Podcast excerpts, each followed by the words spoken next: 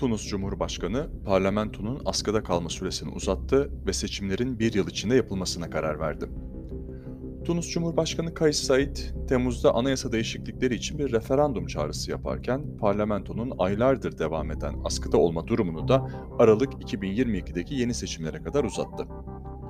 Ulusal televizyonda yaptığı bir konuşmada Said, Tunus halkıyla 3 aylık bir halk istişaresinin ardından anayasa taslağı ve diğer reformların 25 Temmuz'da referanduma sunulacağını duyurdu.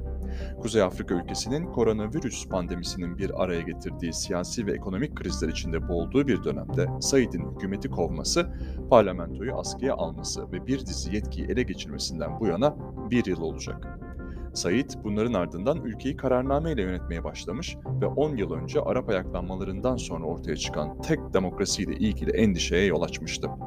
Said yaptığı açıklamada yeni seçim yasasına dayanarak parlamentonun yeni seçimlere kadar askıya alınacağını söylemişti. Yani diktatör Zeynel Abidin bin Ali'yi iktidardan indiren 2011 devriminin başlangıcının yıl dönümü olan 17 Aralık'a kadar.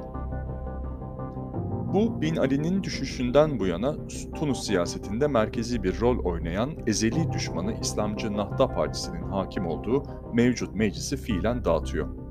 Said'in 25 Temmuz hamleleri başlangıçta ülkenin köklü sosyal ve politik sorunlarıyla baş edemeyen ve yozlaşmış ve etkisiz olarak görülen siyasi elitlerinden bıkmış Tunuslular tarafından memnuniyetle karşılanmıştı.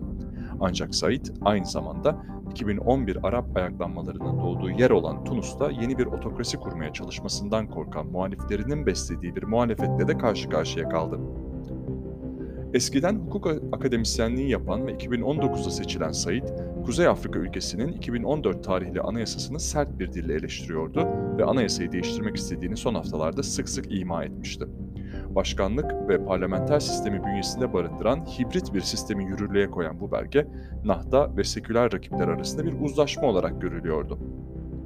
Ancak birçok Tunuslu yaratılan bu siyasal sistemin başarısız olduğunu, köklü ekonomik ve sosyal sorunları çözmekten ziyade bünyesinde sonsuz engel ve yolsuzluk barındırdığını düşünüyor demokratik kurumların yeniden yapılandırılmasına yol göstermesi için ulusal ve uluslararası baskılarla karşı karşıya gelen Said, 1 Ocak ile 20 Mart arasında ülke çapında halkla istişareler yapılacağını duyurdu.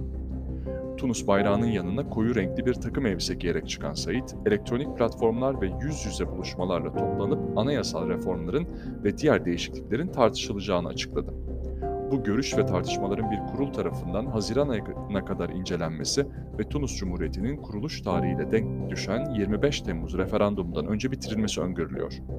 Tunus Cumhuriyeti, bölgenin Fransa'dan bağımsızlık kazanmasından bir yıl sonra 1957'de ilan edilmişti. Said, pazartesi günü erken saatlerde kabineye anayasaların ölümsüz olmadığını söylemişti. Said, halk ancak egemenliğini anayasa çerçevesinde kullanabilir dedi. Yani egemen halkın kendi haklarını bu metinler çerçevesinde kullanması mümkün değilse yeni metinlerin yazılması gereklidir. Said sıklıkla fakat dolaylı olarak Nahda Partisi'ni yolsuzlukla suçladı. Pazartesi günü kabineye yönelerek partinin yurt dışından fonlandığına dair bir mahkeme kararını gösterdi. Said, geçmişte yurt dışından para alanların ve hala almaya devam edenlerin parlamentoda yeri yok, dedi. G7'nin demokratik ve gelişmiş ülkeleri ve Avrupa Birliği Tunus'a temel özgürlüklere saygı duyması ve demokratik kurumlara geri dönüş için takvim belirlemesi çağrısında bulundu. G7 ülkelerinin diplomatik misyon başkanları ve Avrupa Birliği sistemde önemli bir konuma sahip seçilmiş ve parlamento ile işleyen demokratik kurumlara hızlı bir dönüşe izin veren net bir takvim belirlenmesi için çağrıda bulundu.